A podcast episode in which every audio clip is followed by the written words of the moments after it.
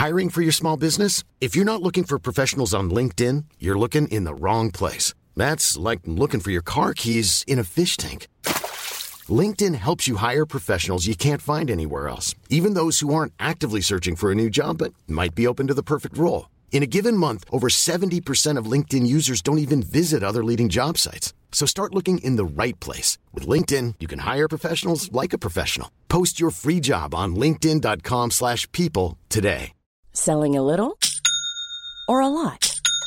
Shopify helps you do your thing however you cha-ching. Shopify is the global commerce platform that helps you sell at every stage of your business. From the launch your online shop stage to the first real life store stage, all the way to the did we just hit a million orders stage. Shopify is there to help you grow. Shopify helps you turn browsers into buyers with the internet's best converting checkout. 36% better on average compared to other leading commerce platforms because businesses that grow grow with Shopify. Get a $1 per month trial period at shopify.com/work. shopify.com/work.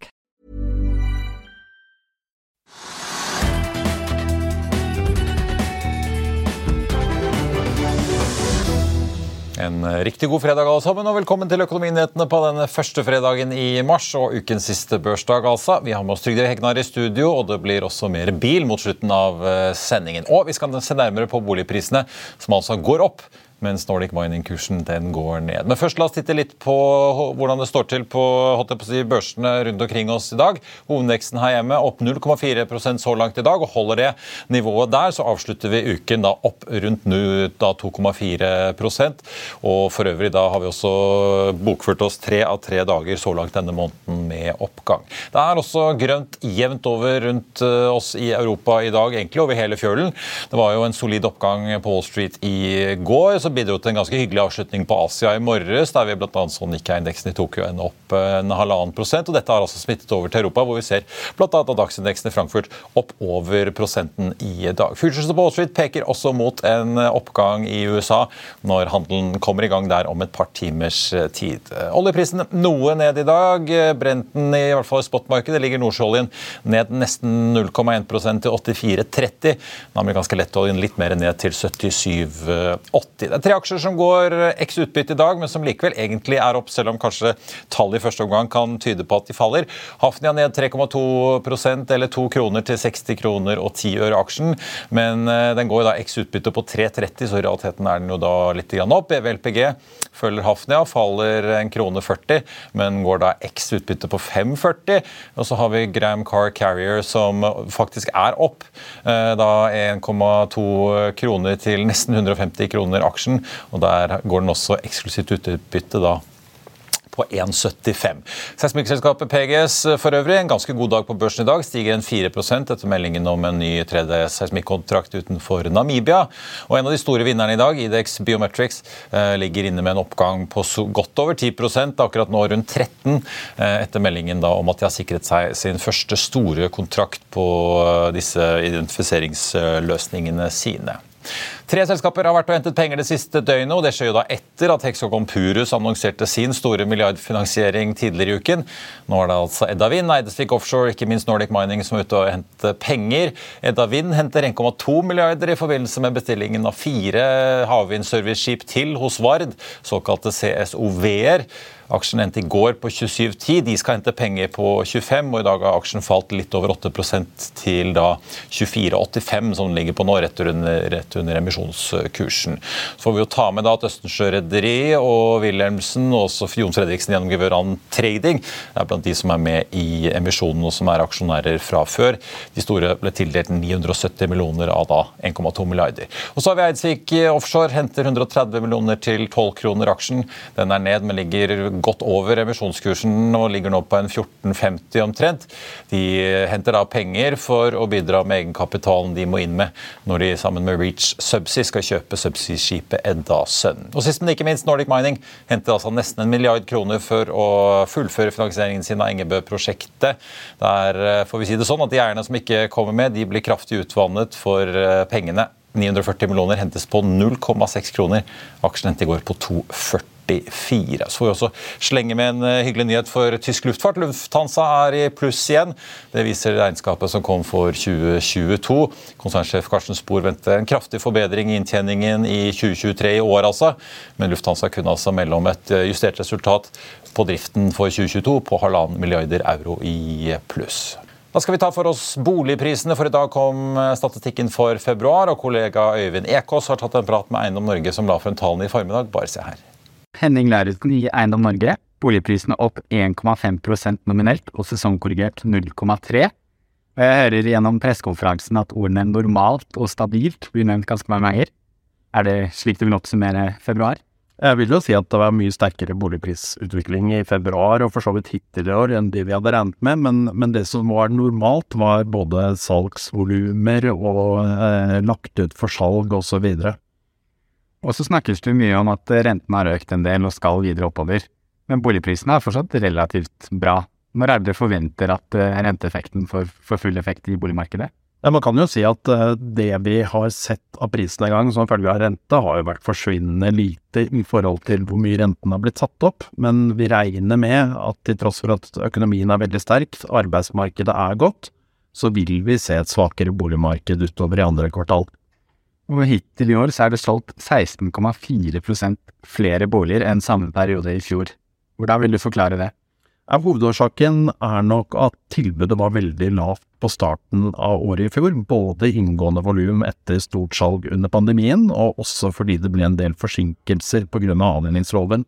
Så det tilbudet som er nå, det er mer normalt egentlig enn det vi så i fjor.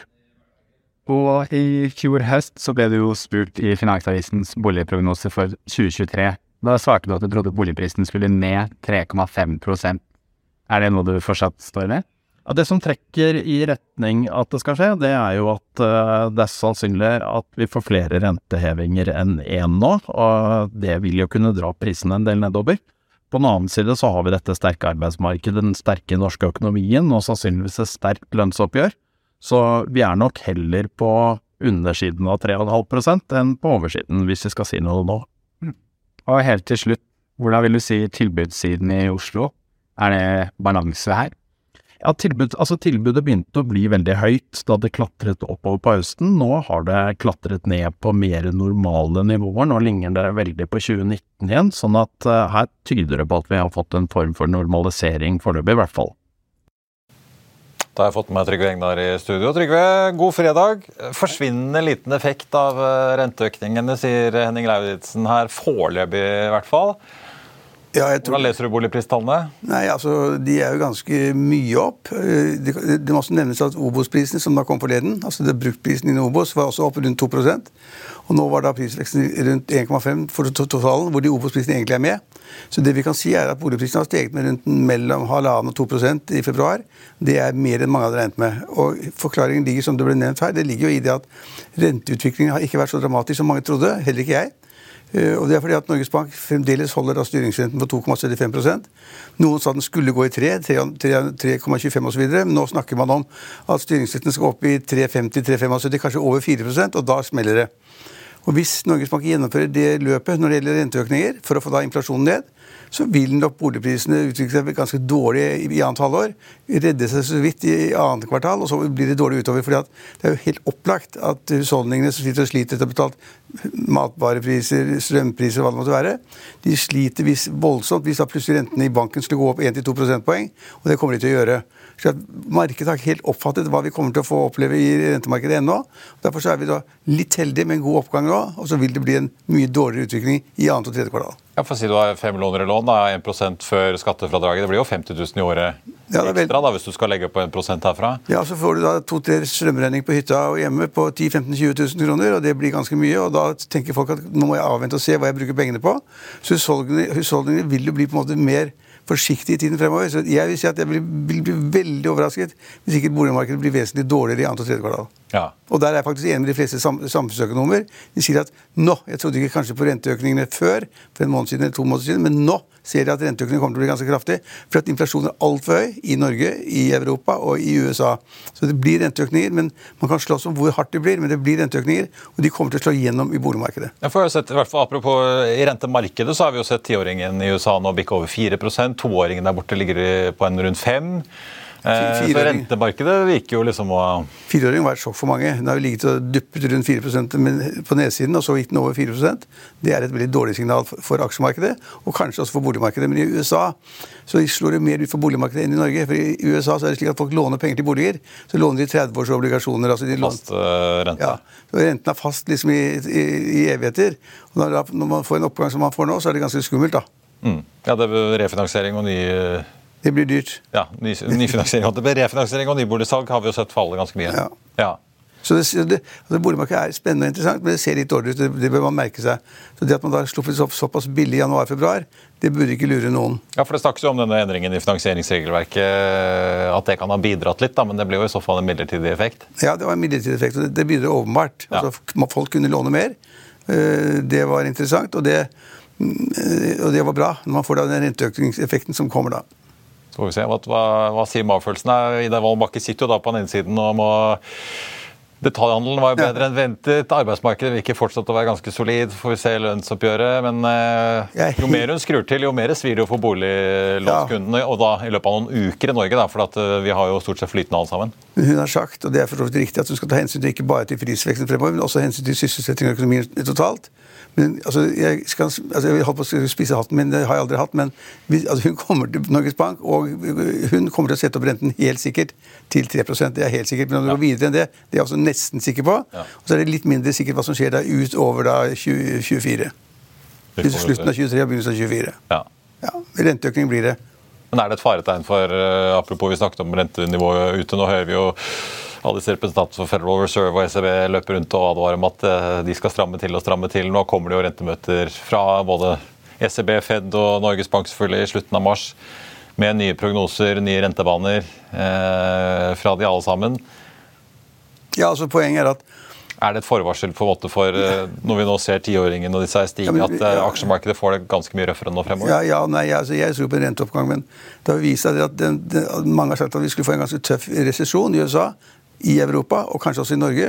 Det har vi ikke sett. Økonomien går bedre de flere steder enn man kunne forvente. Så man må liksom, det der at det blir veldig, altså et fall i økonomien mange steder, og at renten på en måte vil være veldig avgjørende, det, man må være litt forsiktig nå. For at økonomien går bedre enn man trodde. Og renten har ikke steget så mye som man fryktet. Så da må man må være litt forsiktig. Men renten er opp, og det pleier å ha en normal effekt på lavere aksjekurser. Fordi at de fremtidige inntektene blir lavere da enn overdelen når man bruker en høyere rente. Vi snakke litt om børsnyhetene her eh, som har kommet her hjemme det siste. Mange er ute og henter penger om dagen, virker som. I hvert fall denne uken. Ja, altså Nordic Mining er jo det, det, det, det selskapet som på en måte treffer en Man tror nesten ikke hva man ser, for at kursen er ned 65 i dag. og Det er dagens taper, selvfølgelig. Det ville vært merkelig om det var flere selskaper som falt så mye. Og Poenget er at jeg kan ikke selskapet ah, så veldig godt, men det at de trengte åpenbart penger fort, ganske raskt. Og Så gikk de ut i markedet til investorer som Arne Blyst og andre, og så har de sagt at liksom, vi trenger masse penger. Dere har masse penger. Eh, hvis vi gir dere en kjemperabatt på 75% når er man får det i aksjemarkedet, det er altså hvert tiende år, i et selskap som kan leve i og for seg, da. Uh, og så har disse investorene sagt ok, vi kjøper de aksjene da til 75 rabatt, som du sa i sted. Uh, og da fikk de rundt en milliard kroner. Men det betyr jo at de gamle aksjonærene som ikke har vært med på en operasjon, de er washed out, de er borte, eller vil bli borte. slik at Det er en kjempeoperasjon for å skaffe penger. Gjør det fort, det er fornuftig nok. Og så finnes det investorer som da på en måte griper sjansen og tenker her er tidenes sjanse til å tjene masse penger. Og så gir man blaffen i de gamle aksjonærene.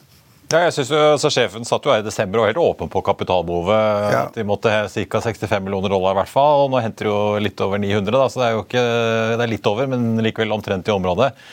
Men, åpenbart, Når de må gå så lavt i pris, så har det jo ikke vært lett å på en måte friste nei, mange altså, store investorer på kroken her. Nei, de kunne jo hatt en fortrinnsrettemisjon, som, som, er vanlig, hvor alle aksjonærene fikk delta med sine retter etter det de hadde.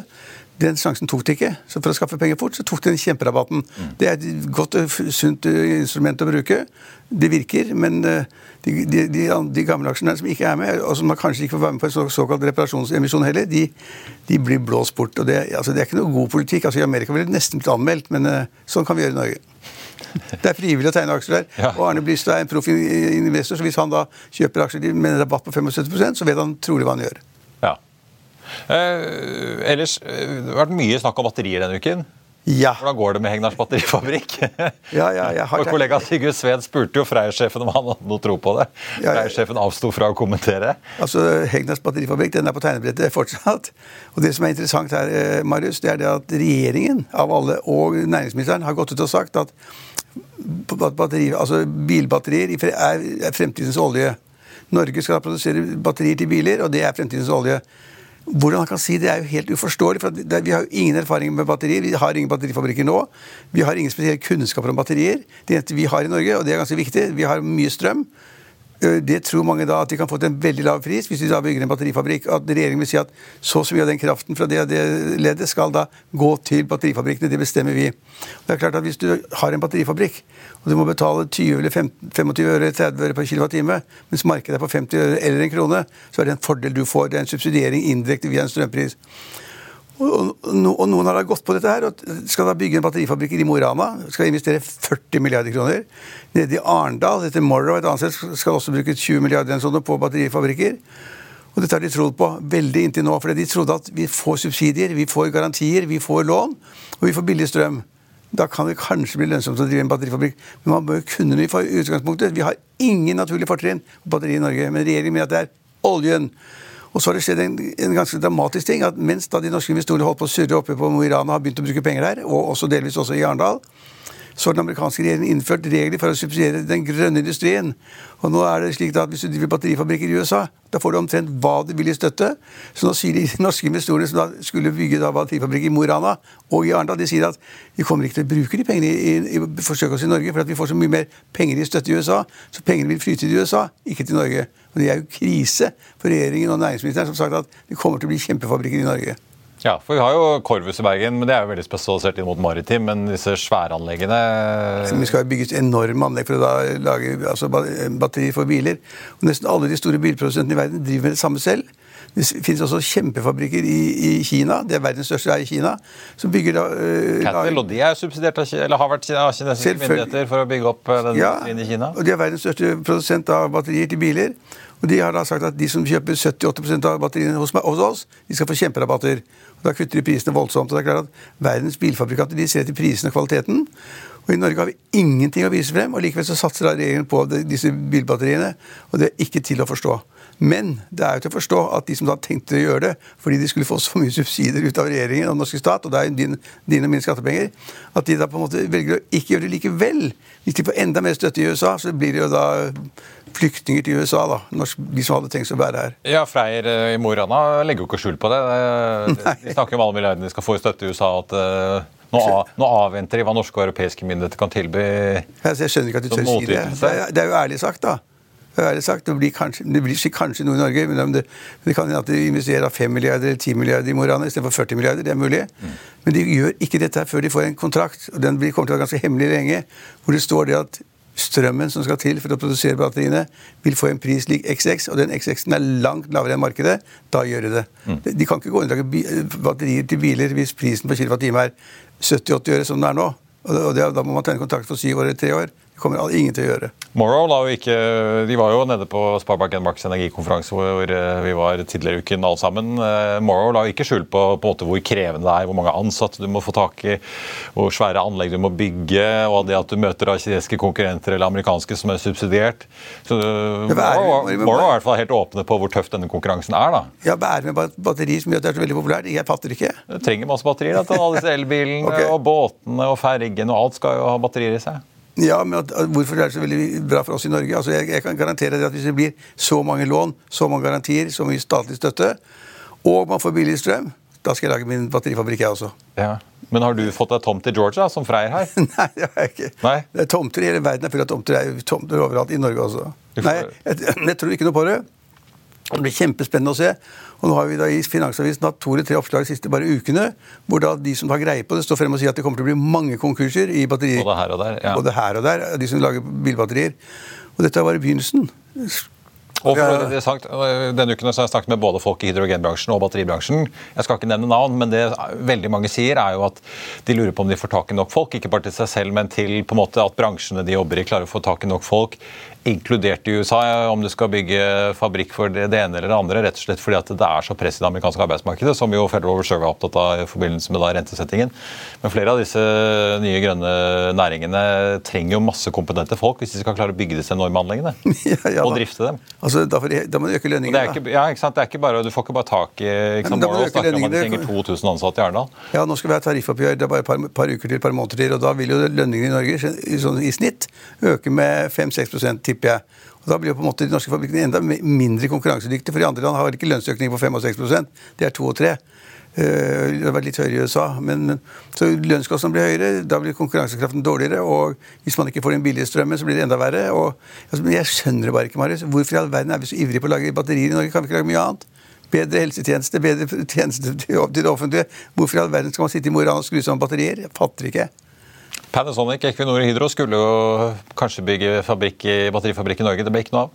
Nei. Så vi får se. De bygger, fall... Tesla bygger egen fabrikk, og de bygger fabrikker i Tyskland og overalt. Og Kina er som vi nevnte, Kina er verdens største produsent. De kan det. De holder på nå. Vi har ikke begynt engang. De vil nå lage altså anlegg, haller osv. Jokeren er sikkerhetspolitikken da, hvis amerikanske og europeiske bilprodusenter og politikere faktisk vil slippe å være avhengig av Kina. så må de jo da... Ja, hvis vi gir meg penger... Så... Men da må de jo bestille fra europeiske leverandører. da. Gi meg penger, så skal jeg lage en batterifabrikk, jeg også.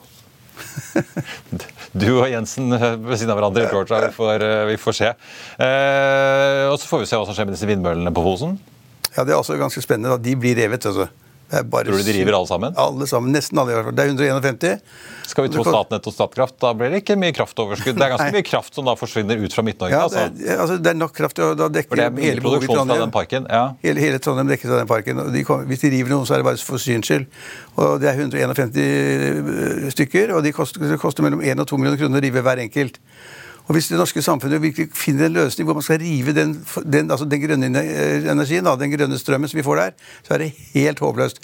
Så det må bare gå noen dager etter at disse demonstrantene har blitt borte og kommet seg hjem igjen. Eh, så etter det så vil man finne en løsning hvor man da på en måte da går videre, hvor da de som har disse, disse vindanleggene, de får en eller annen form for betaling og stenger av en gang eh, Deler av året blir stenger de ned, eller gjør et eller annet, eller ødelegger veiene slik at man ikke må måke dem, slik at det blir lettere for regnet å gå over osv. De finner på et eller annet. Å rive dem, det vil bli helt tullete. altså Det er bruk av samfunnsressurser. Det er 6 milliarder kroner man snakker om som det kostet å etablere de vindmøllene. Og eh, hvis det koster penger også å rive dem ned, og landskapet skal på en måte settes tilbake der det var, vi kan det ikke gjøre.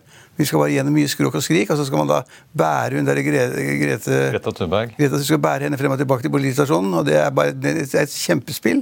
Det, det, det, kan ikke ende med at de river det, Marius. Det tror jeg ikke noe på. Det blir jo en, i så fall en fascinerende historie. Først uh, måtte man nesten tvinge Statkraft til å bygge det, for de mente det var ulønnsomt i første omgang. Og kommunene var imot og så kanskje rive hele greia. Nå er det jo da Statkraft, Aneo, dette Hightech Vision og Trønder Energiselskapet og en del fond som er inne på eiersiden, som vi snakket om i Pareto tidligere i uken. De skjønner ingenting. Altså, de skjønner ikke hva vi... Det var en snakkis på Paretos kraftkonferanse, i hvert fall blant flere av aktørene jeg har snakket med. Liksom Hvis dette blir revet, hva tror de Altså hva kommer utenlandske investorer til å tro om Norge? Først kommer det også skatteendringer, så river de en vindpark. Ja, så skatter de ekstra den gevinsten man har på strømmen. ikke sant? Så det er jo...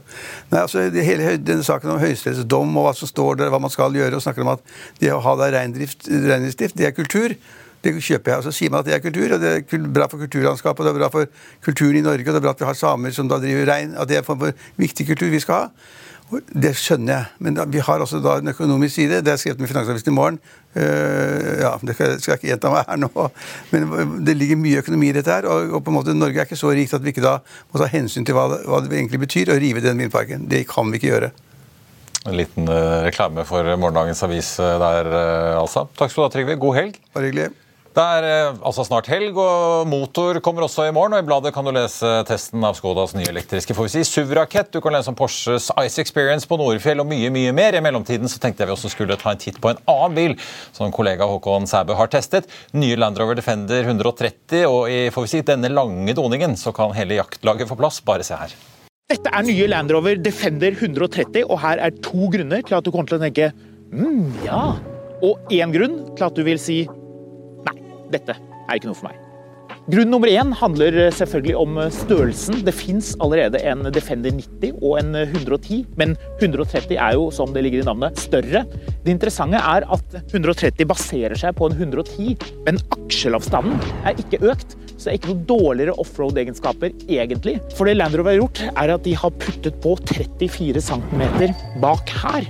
Og hensikten med det er at du kan få denne bilen som åtte seter.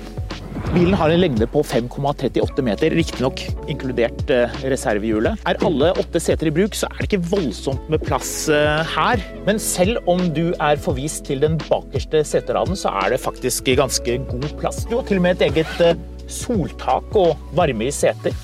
Det virkelig store argumentet er jo selvfølgelig plassen, men den andre grunnen til at du tenker oh, dette er bilen for meg. Dette er familiebilen jeg har drømt om. Det er den gode følelsen du får når du setter deg inn og kjører. Det er 29 cm bakkeklaring. Det er enormt. Selvfølgelig luftfjæring, så du kan heve bilen. 90 cm vadedybde, også voldsomt. Så mye trenger man egentlig ikke. Men i tillegg til det, den er veldig praktisk. Du har masse steder å legge ting. Det er smart, har små rom. Du har til og med kjøleskap. Helt genialt. Putte litt drikke ned gjøre den kald og så sende tilbake til de syv passasjerene du har med deg. Det er ting som man kanskje ikke umiddelbart eh, tenker på, men eh, når man begynner å kjøre, ja, da får du den derre gode følelsen. Det er jo ikke noen sportsbil, dette her. Kjører du en eh, Porsche Cayenne fra før, så vil du tenke ja, dette går vel kanskje ikke helt fort nok, men straks man oppdager de detaljene som ikke umiddelbart er åpenbare, ja, da blir du faktisk ganske glad i den bilen her.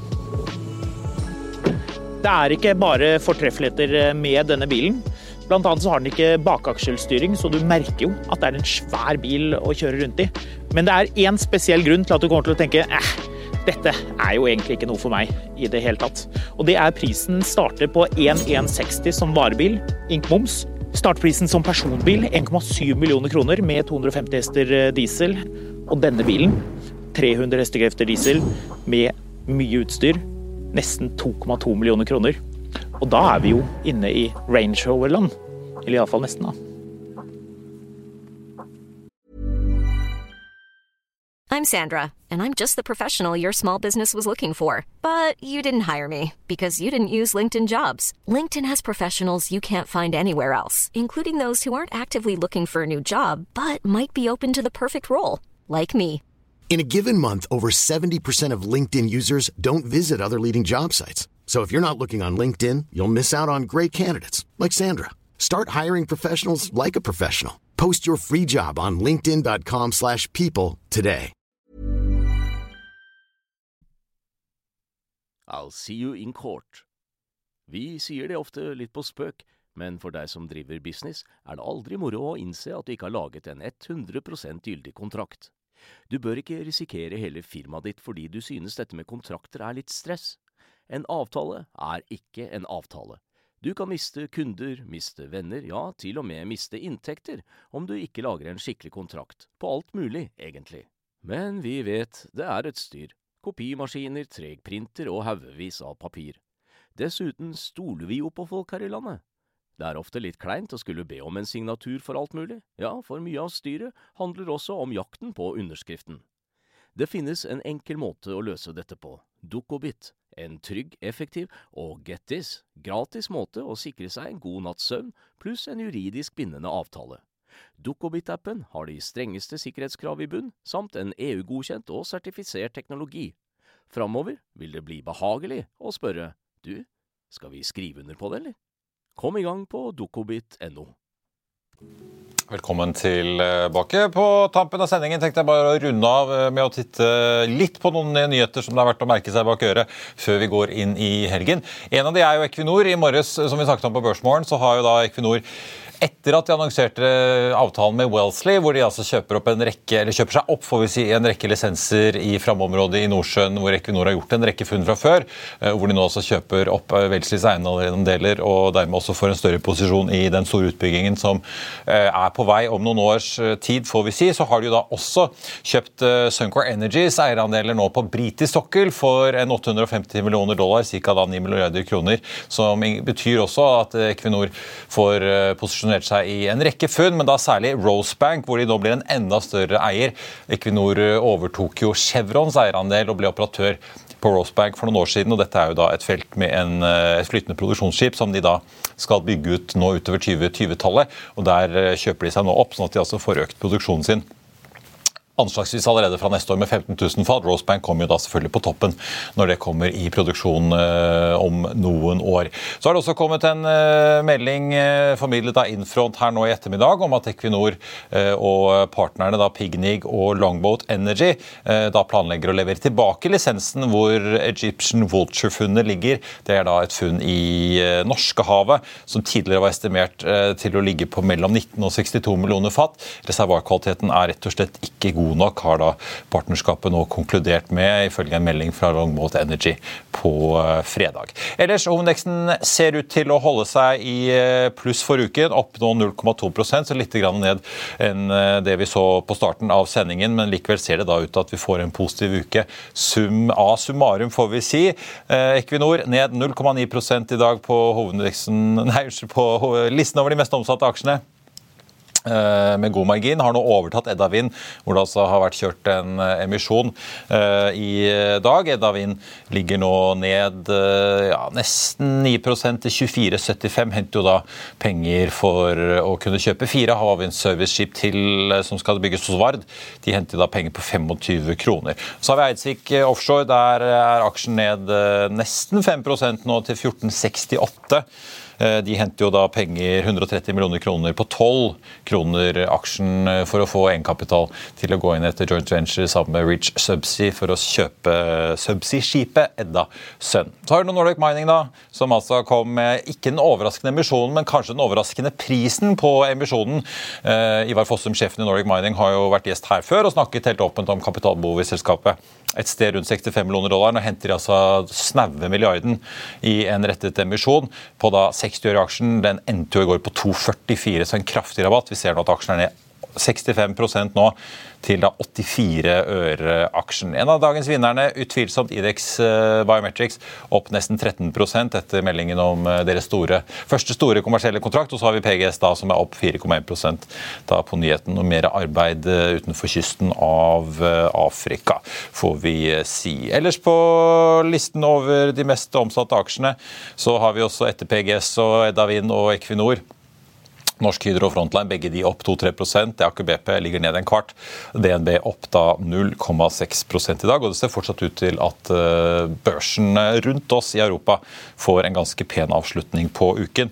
Med Futures på Wall som fortsatt peker eh, mot en positiv start. Har falt noe tilbake, men fortsatt rundt kvartprosenten i pluss da så langt i eh, dag. Og så får vi si at uh, du må jo også kanskje prøve å få med deg Finansavisen i morgen. Da kan du lese Trygve Egnars eh, leder altså om grådige samer. Det blir mer om Nordic Mining-emisjonen og hva ledelsen i selskapet altså sier etter at prislappen kom på bordet. Du kan lese om de sprikende inflasjonsforventningene til Handelsbanken og Nordea og om ukens selskap, som også er eh, Equinor. Og så blir det selvfølgelig masse bil, vin og annet helgestoff. Det var det vi hadde for deg på denne fredagen. Tusen takk for at du så eller hørte på. Mitt navn er Marius Thorensen. Vi er tilbake igjen på mandag 08.55 med Børsmorgen og Økonominyhetene med 14 Økonominyheter klokken 14.30. Da får vi med oss en ladegründer fra Stavanger som er verdt å høre på. I mellomtiden, ha en riktig god helg alle sammen. Takk for nå.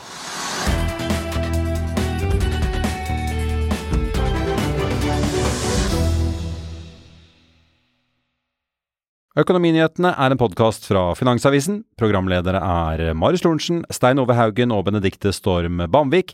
Produsenter er Lars Brenden Skram og Bashar Johar. Og ansvarlig redaktør er Trygve Hegnar.